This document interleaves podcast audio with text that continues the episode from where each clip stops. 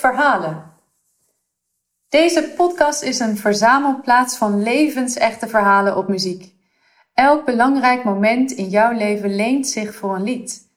Lied als eeuwenoude kunstvorm gaat namelijk over liefdesverdriet, gelukzalige liefde, gekmakende jaloezie of kokende woede. Het gaat over gevoelens van alle mensen uit alle tijden. Ik, Florien Hilgekamp, vraag het aan de liedpro's, liefhebbers en groentjes. En samen zoeken we een lied dat past bij hun verhalen. Laat je meevoeren in onze passie voor het lied. Ik ga op bezoek bij Vincent de Kort, een dirigent van Nederlandse bodem met een internationale carrière. Hij reist de wereld rond als gast bij gerenommeerde symfonieorkesten en operahuizen. In 2015 was hij bijvoorbeeld de eerste Nederlandse dirigent die zijn debuut maakte in het Bolshoi Theater in Moskou. Je kent hem misschien wel als de juryvoorzitter van het Avro-Tros-programma Maestro en hij is regelmatig de gast bij de bekende talkshows. Hij heeft een fascinatie voor stemmen en ik wil erachter komen waar dat vandaan komt. Welkom Vincent, Vincent de Kort, Maestro. Uh, ik heb een kleine, snelle vragenronde voor je. En okay. je mag er ook heel langzaam over doen, dat maakt niet uit. Wie zag je dirigeren en dacht, dat wil ik ook? Nou, misschien kan ik een antwoord geven. Wie zag je dirigeren en, en je dacht, dat kan ik nooit. Want dat is eigenlijk de reden waarom ik zo laat begonnen ben met dirigeren. Dat was Claudio Abbado. Ik zat in het Europese Jeugdorkest. We hadden allerlei dirigenten. Hij was er het meeste en het was zo fantastisch wat hij deed dat wij allemaal hadden. Dat is niet voor een stervelingen. Maar je bent toch op een gegeven moment begonnen ja. om het te gaan leren? ja, maar dat was ook iemand die, dat, uh, die op het idee kwam.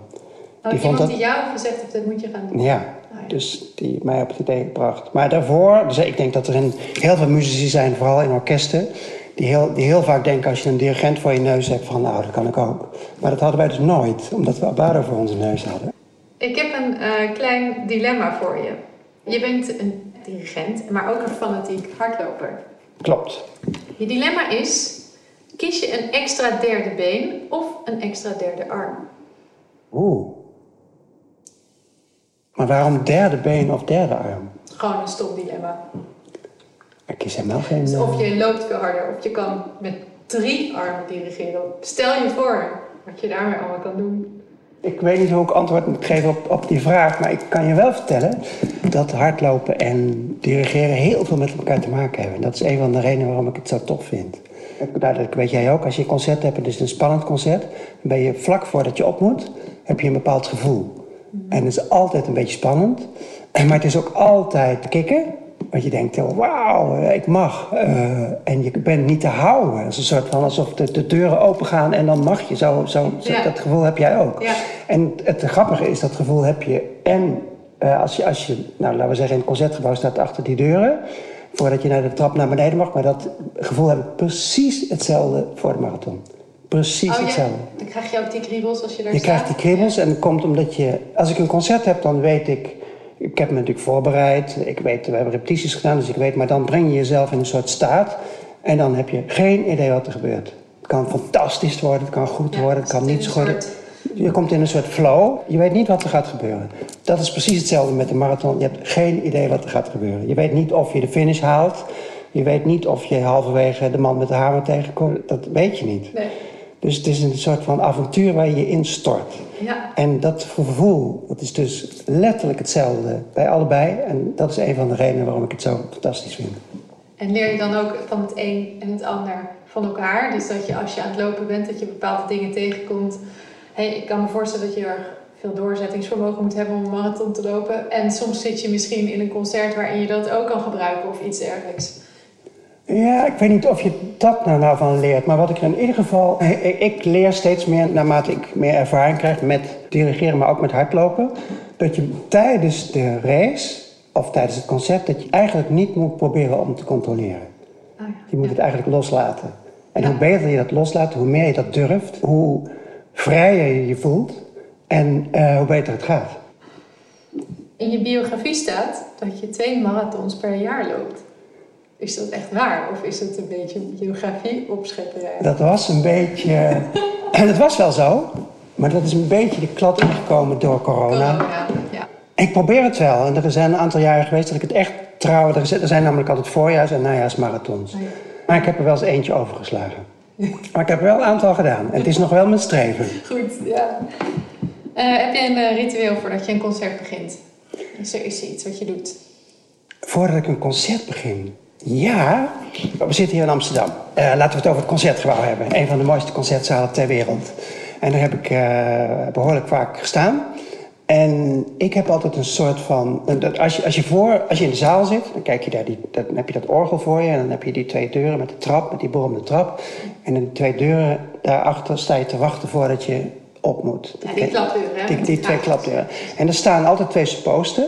Die hebben allebei uh, een oortje in. En die krijgen dan op een gegeven moment krijgen ze een teken. Het zaallicht is gedempt. En dan krijgen ze een teken, nu kan je. Dus dan doen ze de deuren Maestro open. Maestro, en dan sta je daarachter, sta je daarachter te wachten. En dan vragen ze altijd, maestro, ben je er klaar voor? En iedereen, ik hoor ik altijd van iedereen die zegt, ja oké, dan doen ze de deuren open, dan ga je naar beneden. Maar ik zeg altijd, nee, nee, even wachten, even wachten. Dat is mijn ritueel. Even wachten, even wachten. En dan kijken ze me zo aan. En dan zeg ik, wacht, wacht, wacht. Nu. Dus ik bepaal wanneer ze de deur open doen. Ah, ja. dus jij wilt het zijn geven. Ja, maar inmiddels weten ze, die supposten die zijn heel vaak hetzelfde. Oh, dus inmiddels weten ze dat. Dus ze moeten altijd lachen. ja, precies. Heb je hem weer. Wat is je lievelingsbeweging als je dirigeert? Dat kunnen wij niet, natuurlijk niet voor onze luisteraars uh, laten zien, maar we kunnen het misschien wel uitleggen. Heb je een lievelingsbeweging? Dat is een hele goede vraag. Want je bent eigenlijk met je bewegingen ben je bezig om, nou ja, laten we zeggen, uh, um, heel simpel om het verkeer te regelen. Dat is ook een deel van je, van je taak. Maar wel het allerbelangrijkste van dirigeren is als je al het voorbereidende werk gedaan hebt en je hebt je repetities gedaan, dan moet je de mensen vertrouwen. En die mensen kunnen namelijk ook tot 1, 2, 3, 4 tellen. Dus dat hoef je niet allemaal als een soort schoolmeester te kunnen doen. Maar er zijn heel veel momenten waar je het orkest kan loslaten. En dan doe je als het ware niks meer. Dus je, je maakt bewegingen en op een gegeven moment stop je met bewegingen. Dat kan een maat zijn of een halve maat of twee maten. En dan gebeurt de magie. Oh ja. Maar dan moet je precies weten wanneer dat kan. En vooral, je moet het durven. Want het is ontzettend eng. Ja. Het is alsof je in een auto zit en je laat je stuur los. Ja, dus eigenlijk is het niet bewegen. Precies. Normaal beginnen we, gaan we altijd door met een aantal vragen. Maar uh, jij wil heel graag beginnen met een lied. En... Uh, Jij bent de maestro, dus ik, ik luister gewoon naar wat je zegt. Dus we gaan beginnen met Morgen van Richard Strauss. En dat is een orkestlied. Daar gaan we het straks even over hebben. We gaan eerst even luisteren. Uh, het is uitgevoerd door Jesse Norman en het Gewandhaus Orchester in Leipzig. Gedirigeerd door Kurt Mazur.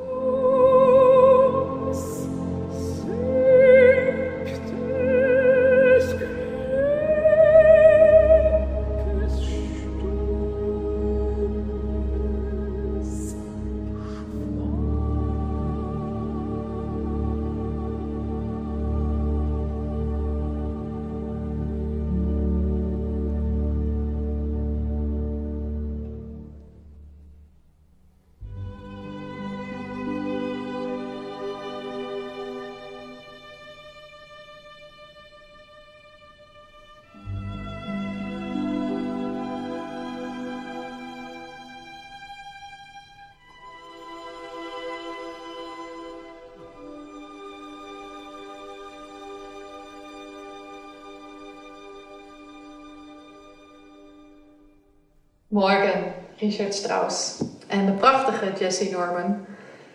Wat vind je zo mooi aan dit lied?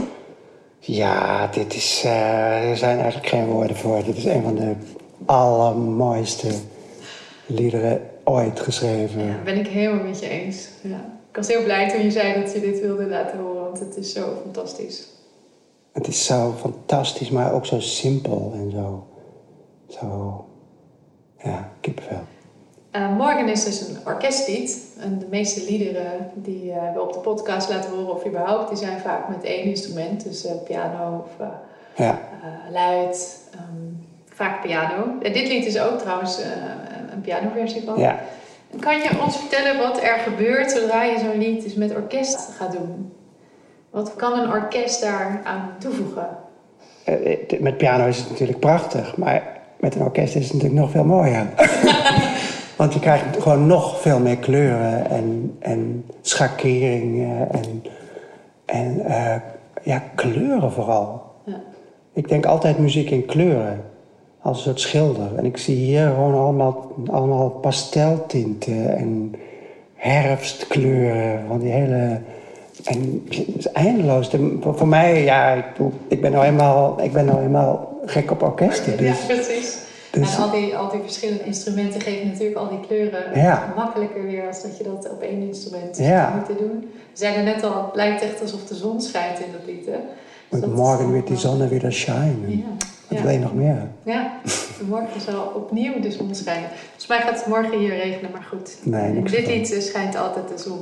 Maar orkestliederen zijn eigenlijk een soort van apart genre. Want je hebt natuurlijk uh, opera en symfonische muziek, maar dit is toch heel anders. Andere, het is meestal subtieler, maar dat hoeft eigenlijk niet, want vier laatste lieden is uh, behoorlijk heftig. Maar het, het, is een heel eigen idioom. Ja. En ik, ik, ik hou er heel erg van. Ja. Om het concerten te doen. Wat was je eerste ervaring met het klassieke lied? Met het klassieke lied? Ehm, ik kom uit Den Bosch, daar ben ik geboren en getogen. En daar heb je het uh, Internationaal Vocalistenconcours. En iedereen kent het als het IVC. Mijn vader die was daar vroeger de directeur. Dat concours is altijd in september.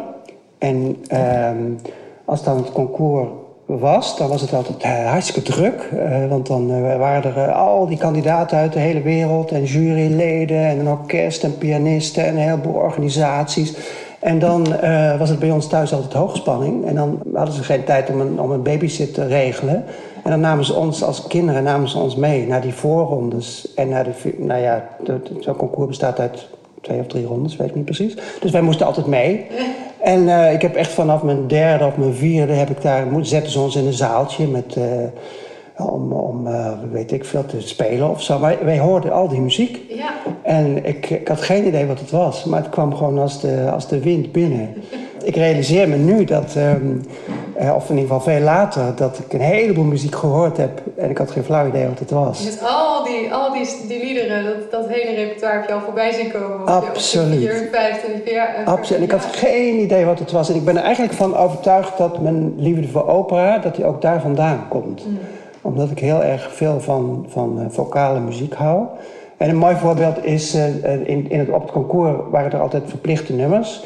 En er waren altijd wel mensen die zongen dan Kajeli La Manina uit uh, La Bohème. Dat noemde mijn vader, we, wisten natuurlijk helemaal niet wat het was, maar dat heb ik heel vaak gehoord. En mijn vader noemde dat de koude handjes aria. Ja, dat zijn die standaard dingen die dan heel vaak worden gezongen. Ja, ja precies. Ja. Dus dat was. Dus, dus, dat kwam met de Absoluut, daar ben ik van overtuigd. Ja. ja. Daar is het begonnen. Ja. ja, ik ben gek op stemmen en ik hou er ontzettend van om. Voordat ik, als ik in een operaproductie zit of ik zit eh, in de voorbereidingen van een uh, programma met een, met een zanger of een zangeres, dan ik, als ik de kans krijg, ga ik ze eindeloos coachen en dan gaan we samen met de piano oh ja. gaan we aan de gang en dan helemaal uitpluizen, zodat ik helemaal voel wat uh, hij of zij wil. En dat ze ook weten wat ik wil. En zodat je helemaal bij elkaar komt. Dat vind ik fantastisch om te doen. Mooi, ja. Wat maakt een zanger voor jou echt een goede zanger? Dat is een goede vraag, ehm, Wanneer krijg je gewoon kippenvel? Je zei net, ik krijg kippenvel van Jesse Norman. Kan je dat omschrijven? Een zanger die moet zichzelf. Die moet, nee, dat moet niks. Maar ik, ik, ik krijg kippenvel als iemand zichzelf een beetje verliest. Als iemand risico's durft te nemen en als iemand niet te, niet te netjes zingt. Dus dat je als het ware de, de techniek niet meer hoort. En de hele grote zangers, maar dat is natuurlijk met instrumentalisten is dat hetzelfde. Die staan boven de techniek. En op een gegeven moment beheersen ze dat zo goed dat ze helemaal vrij zijn. Dan hoor je alles wat erin zit. Maar dan hoor je dus de, de mooie kanten, maar je hoort ook de lelijke kanten. En ik ben, heel, ik ben ook heel erg geïnteresseerd om de lelijke kanten te horen. Dat je de hele persoonlijkheid hoort. Eh, ik hou heel erg van Mozart-opera's of zo. En die zijn natuurlijk heel dramatisch. Dus ik vind het geweldig als iemand eh, ook de, de drama kan laten zien, ook vocaal. Ja. Dus dat een zangeres bijvoorbeeld heel diep in je borstregister gaat. Eh, dat is voor mij hetzelfde als dat een contrabas de laagste toon uit zijn tenen wurmt. Ja, ja, precies. En het kan vaak helemaal niet mooi zijn. Het hoeft niet mooi Het te hoeft zijn. niet mooi te zijn. Het mag lelijk zijn. Ja, lelijk, maar... Nou ja, maar Ja, er mag een randje aan zitten. Dat Een je randje. Van, Een oh jeetje, wat, wat interessant. een randje, Ja. dat is het goede woord, ja. Ik ben gevoelig voor randjes. en het maakt eigenlijk niet zoveel uit of het nou, de, of het nou klassieke muziek is, of popmuziek, of... eh, dat heb je bij, bij popzangers en zangeressen heb je dat natuurlijk heel erg. Eh, dat mensen helemaal niet, niet zo mooi hoeven te zingen, maar dat het je gewoon in je ziel raakt. Ja. En iemand als, in de klassieke muziek, iemand als Schwarzkopf of, of... Dietrich Fischer-Dieskau. Nee, Fischer Dieskau, dat, dat vind ik nou misschien niet zo'n goed voorbeeld.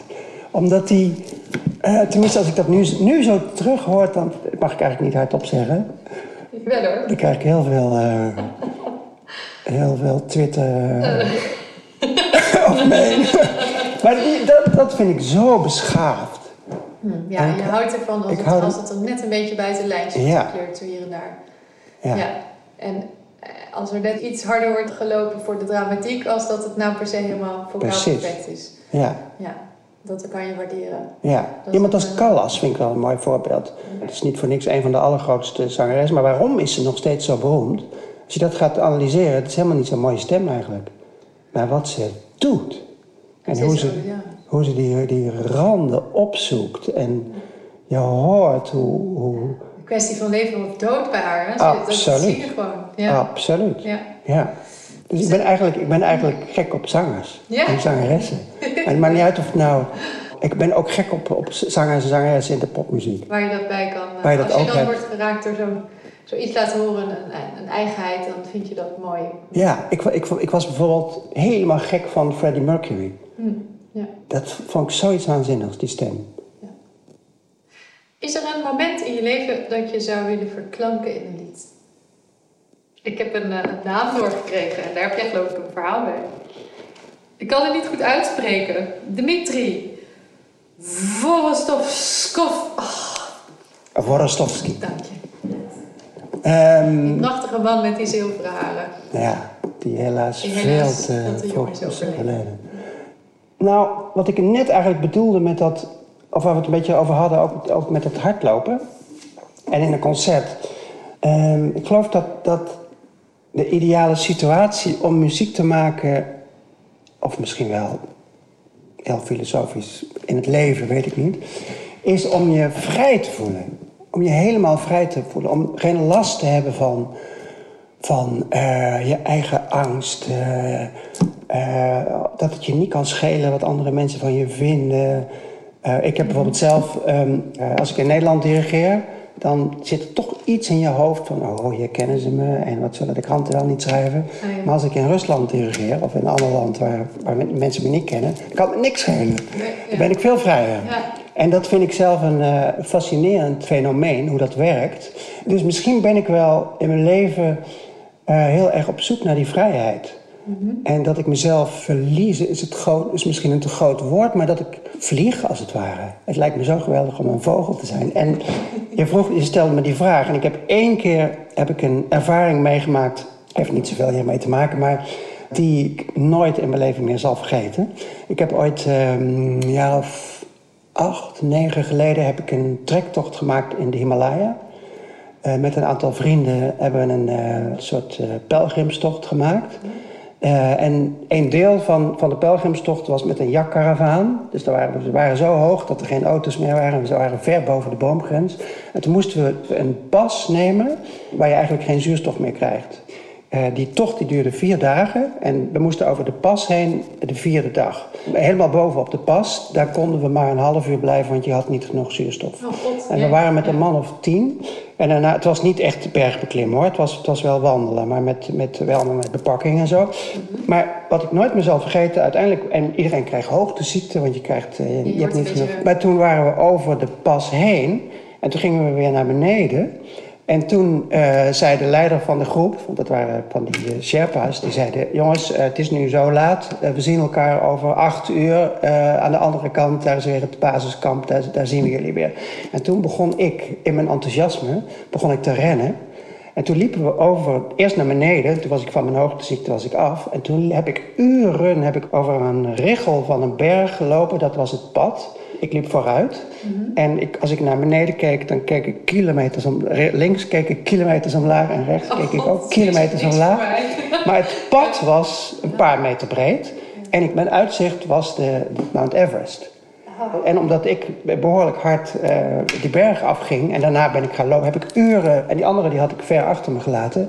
En ik heb uren heb ik daar gelopen met het gevoel alsof ik op de top van de wereld was, maar alsof ik ook helemaal alleen was. Ja. Ik, was helemaal, ik keek naar achter en ik zag ze niet meer. Nee. En ik wist dat je keek ik, naar voren en het ik keek naar voren en ik wist dat ik over vijf, zes uur dan ging ik ze weer zien.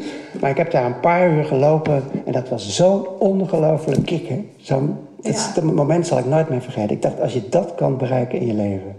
En misschien bereiken mensen dat als ze de druk zijn. Of, maar dat heb ik dus gewoon zelf gevoeld. Volgens mij was je ook gewoon bijna aan het vliegen. Ik was letterlijk aan het, Ja. eh, aan het in, mijn- in mijn hoofd was ik echt aan het vliegen. En dat, dat is zo'n zo'n ongelooflijk gevoel. Maar dat gevoel kan je ook soms wel eens een beetje hebben als je een Mahler symfonie aan het dirigeren bent. Dat je opstijgt. Ja, of je kan er terugdenken tijdens het Ja. dirigeren. Absoluut. Ja. Welke connectie heeft dat met, eh met Dimitri? Met Dimitri. Ehm, nou, je hebt zingen en je hebt zingen. En eh, Dimitri is, is een paar jaar geleden overleden. Dat was een van de allergrootste eh baritons. Russische zanger. En ehm, dat was al vanaf het begin van zijn carrière. Hij heeft ooit eh, Cardiff concours heeft hij gewonnen. En toen was het al duidelijk dat hij een, zo'n superstar zou worden. En ik heb hem ook een, een paar keer ontmoet. Hij, voor mij, als we het over vrijheid hebben, hij was totaal vrij. Ja. Hij had geen last van wat dan ook. Hij- bij hem ging het recht je hart in. Als je die stem hoort, het is alsof je... Je hoort donkerbruin, donkerrood. Ja, je hoort... goede koffie. Het- het is- het is Ja, chocola. Ja, chocola. En, ja. En dan fluweel. En, Fluweel. ja, het is en on- is heel het is goed. ongelooflijk. Ja. En, het, En ook wat hij ermee kan. wat hij daarmee doet, En hoe hij er staat te zingen, hij heeft er ongelooflijk veel plezier in. Ja. Dat zie je ook. En, En wa- waarom ik dit lied gekozen heb, is omdat het is een heel... eh, hij was een van de grootste eh operazangers. Dus hij zong op alle grote operapodia in de wereld. Maar hij hield er ook heel erg van om publiek eh, te vermaken. Hij heeft een heleboel cd's gemaakt met allemaal hele populaire liedjes. O Sole Mio. Maar hij zong ook vaak zong hij in stadions. En ik geloof dat dit een opname is. Staat hij op het, Rode, op het Rode Plein in Moskou. En dan staat hij te zingen voor 30.000 man. En dan zingt hij alleen maar van die hele populaire slagers. Als je dat op Ja. televisie ziet, je ziet al die mensen die zitten allemaal mee te zingen, want iedereen, Iedereen kent. En er zijn heel veel mensen zijn aan het huilen, hebben allemaal tranen in hun ogen.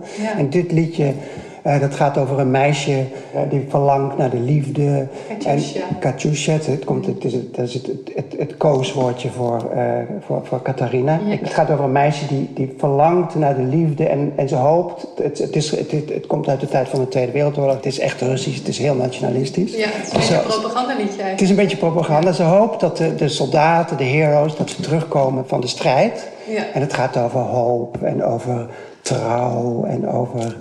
Ja, het is heel nationalistisch. En, en, maar mensen vinden het prachtig. Ja. Dus hij zingt dat met een, met een plezier en een... Dus die wil ik... Die, Die, dat- die gaan we luisteren. en en om, om nog even over vliegen of over vrij, of hoe je het dan ook wil noemen.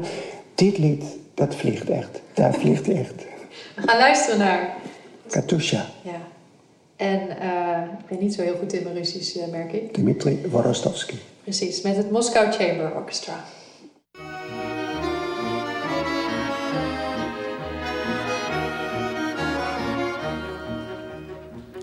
Расцветали яблони и груши, Поплыли туманы над рекой. Выходила на берег Катюша, На высокий берег, на крутой.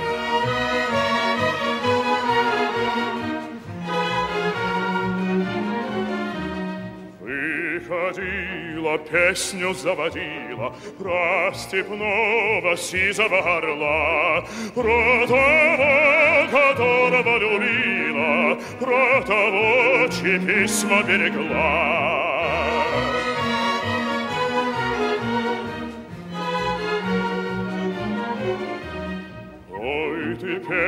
Песня, песенка девичья, Ты лети за ясным солнцем вслед, И бойцу на дальнем пограничье От Катюши передай привет.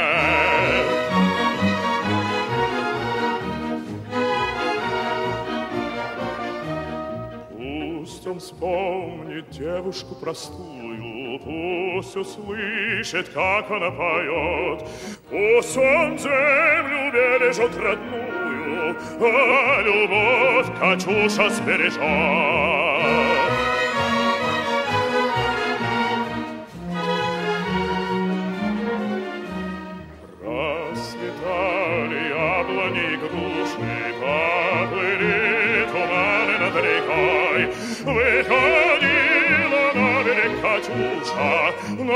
высокий берег, на крутой. Выходила на берег Катюша, На высокий берег, на крутой.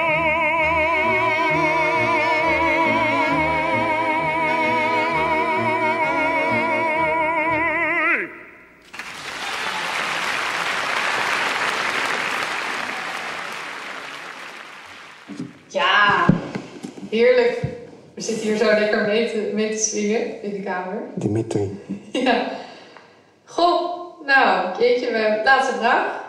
Ehm, heb je een guilty pleasure? Als in dat, iets wat je aan het luisteren bent, waarvan je denkt, ik hoop niet dat de buren het weten wat, wat ik nu aan het luisteren ben. Of, eh, of, of denk je gewoon, nou, voor mij het schelen, maar dit vind ik leuk om eh, af en toe op te zetten. Een guilty ple- Nou, ik luister niet zo vaak naar klassieke muziek. Eh, alleen als ik studeer, of als ik naar opname hoor, of eh, zo'n Dimitri vind ik fantastisch. Maar ik zal het nooit zo opzetten eigenlijk. het je werk is, dat je dan... eh, Ik weet het niet eigenlijk. ik doe het namelijk ook nooit. Ik luister altijd naar iets anders. Ja, ik ook. Ik, ik, ik, ik hou van goede popmuziek, maar ook van... Ik luister heel vaak naar de Stones of zo, daar ben ik nog steeds gek op. Of, of jazz. Ja, ja. Ik zet wel eens een Miles Davis of zo, daar hou ik heel erg van. Mm, die lekkere, goede... Maar omdat we het net over zangers hadden en randjes... Er zijn ook eh, zangers die eigenlijk datzelfde hebben wat... Wa- waardoor ze... Waarom was zo'n Dimitri zo'n zo'n ontzettende ster? Wat was dat? Eh, We hebben het over de X-Factor gewoon. ja, dat had hij. Ja. Ja. en dat hebben bij ons natuurlijk ook mensen. Ik, ben, ik vind bijvoorbeeld, eh, misschien zit vloeken in de kerk, maar ik ben helemaal gek van André Hazes. Die heeft, voor mij heeft hij precies datzelfde. Ja. En, Magneten. Ja. ja. En er is iets in die stem. Wat, ja, er is eh, iets in de stem. ja. Als hij een beetje door had eh, gezongen bij een leraar, had hij ook een goede uh, operazanger kunnen zijn. denk ik. absoluut. Ja. Ja. Misschien heeft hij wel eens een, eh, een eh, opera-aria gezongen. Nou ja, die traditie van zingen. eh, we zitten hier natuurlijk in de Jordaan. Die, die komt natuurlijk uit de traditie van de Italiaanse opera zingen. John Jordaan en Willy Alberti. Daar Ja. komt het vandaan. Nou, we gaan er gewoon naar luisteren, toch? André we- Hazes? Laten we hem daarmee afsluiten. Ja, tuurlijk. Welke wil je horen? Zij gelooft in mij. Zij gelooft in mij, yes. Ja? Doe maar. Doen. Dankjewel, Vincent. Eh, Het was fijn. En eh, ik geloof dat we wel wat, wat leuke, interessante dingen hebben verteld. En eh, hele mooie liederen. Prachtig. Goed zo, dankjewel. Heel erg Ik vond het heel erg leuk.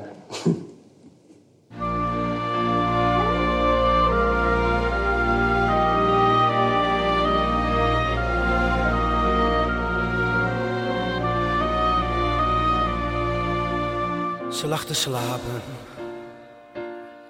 Vroeg haar gisterenavond. Wacht op mij. Misschien ben ik vanavond vroeger vrij. Ze knikte wel van ja. maar zij kent mij. Oh yeah. Nu sta ik voor je.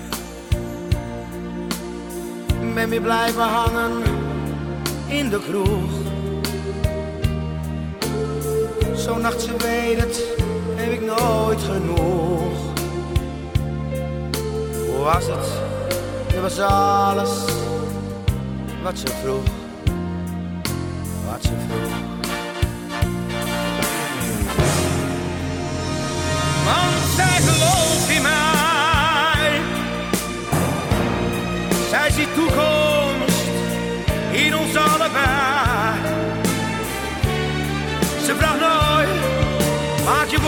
vrij. Als ze weet, niet gaat voor mij.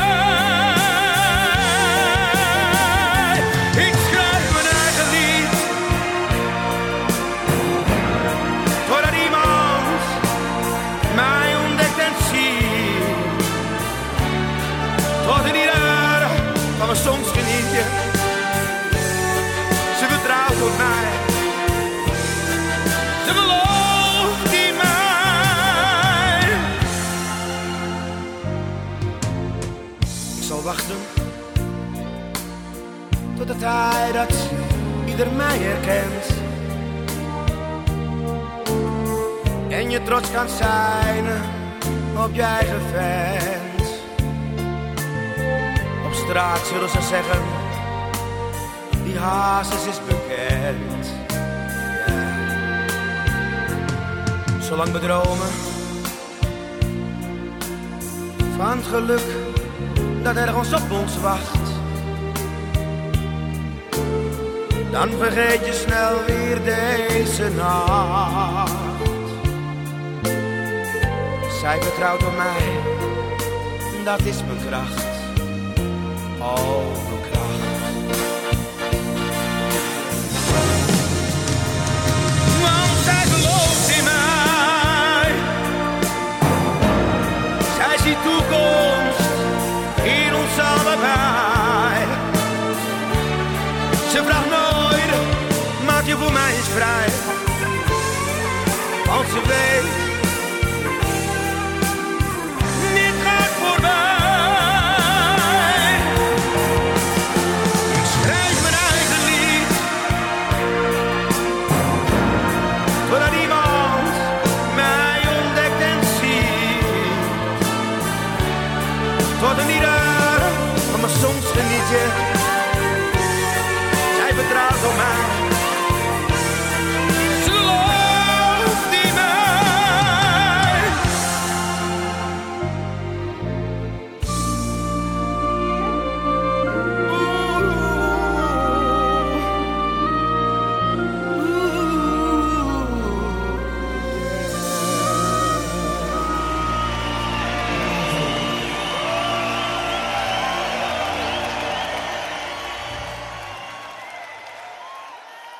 Wil je Liedhuis steunen?